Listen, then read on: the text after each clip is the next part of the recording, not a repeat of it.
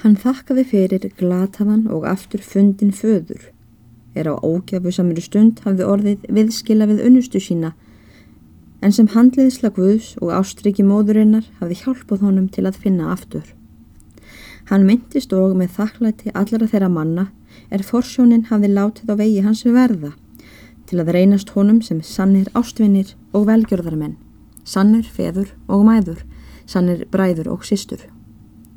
Þessar tilfinningar og hugleðingar heldu aðalsteinni vakandi nokkra hríð og dögvöðu kynnar hans sætum tárum. Hann var hrifin af endurminningunum, þakklæti og fagnuði.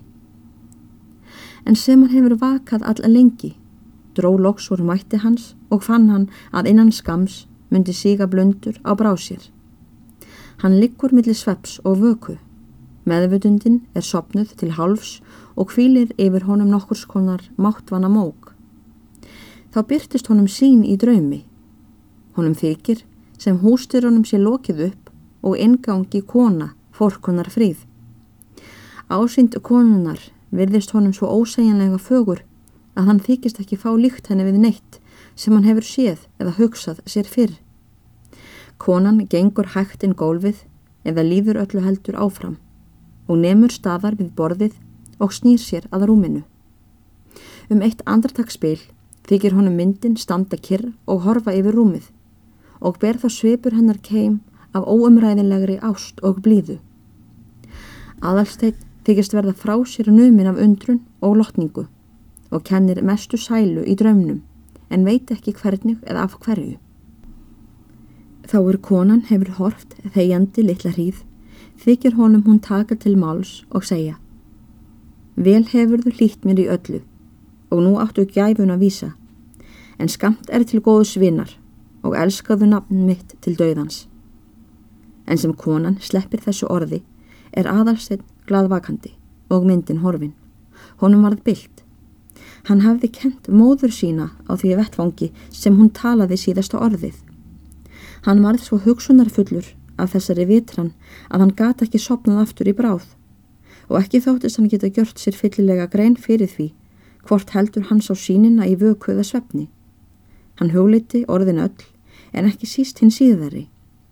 Honum fannst að þýðing þeirra lægi ekki ljós fyrir. Var móðir hans að brína fyrir honum að elska og heiðra minning sína til döðans?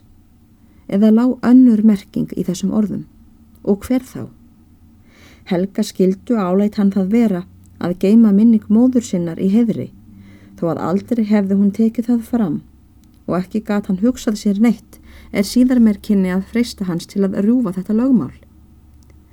Skamt er til að góðu svinnar og elskuðu nafnmitt til döðans. Þetta hafði draumkonan borið fram á hátíðilegan hátt í því hún kvarf. Þessi orð heldu aðalsteini lengi vakandi Hann þóttist ekki skilja þau til hlítar og hann sopnaði svo frá þessum hugleðingum undir morgunin að orðin þessi voru honum ráðgáta. Hann skildi þau ekki fyrir en síðar, löngu síðar. Morgunin eftir tók hann græna kistilin upp með öllu sem í var. Hann let Sigur Björgu lesa skjölsín. Henni fannst mikið um er hún las. Þá er liðin voru dagmálinn Hvati aðalsteitt fólkið á neðstabæ. Skilnaðarstundin var full viðkvæmni og ástúðar. Hann hafði með sér græna kistilinn og fylgdu honum þá fram að hofi Sveinarnir, Sigurður og Bjarni og komu þeir þar um miðdegi. Stóðu Sveinarnir þar stundarkorn við og reyðu heim aftur síðan. En aðalstinn reyð síðar hluta dagsins á nokkra bæi í kringum hof og hvati kunninga sína en um kvöldið fór hann heim aftur að hofi. Dægin eftir lögðu þeir síra Þorgrímur og stað um hádegi og hafði síra Þorgrímur með sér unglingsmann frá næsta bæ er hann hafði ráðið til meðreiðar. Þeir fóru sömu leið sem þeir aðalstitt hefðu farið áður, að öðru leiti en því að nú reyðu þeir í skálholt og gistu þar um nótt. Kvatti aðalstitt biskupin og frú hans með virtum. Þaðan reyðu þeir vestur í Þingallasveit og upp í Brunna, síðan fyrir óg og greytist um ferðin vel, komu heilir og haldnir að eitrafelli. Var það fagnaðar fundur með þeim bræðrum er eigi höfðu sérst hartnar um tvo tíi ára. Aðalsteinn dvaldi nokkra daga í föðurhúsum.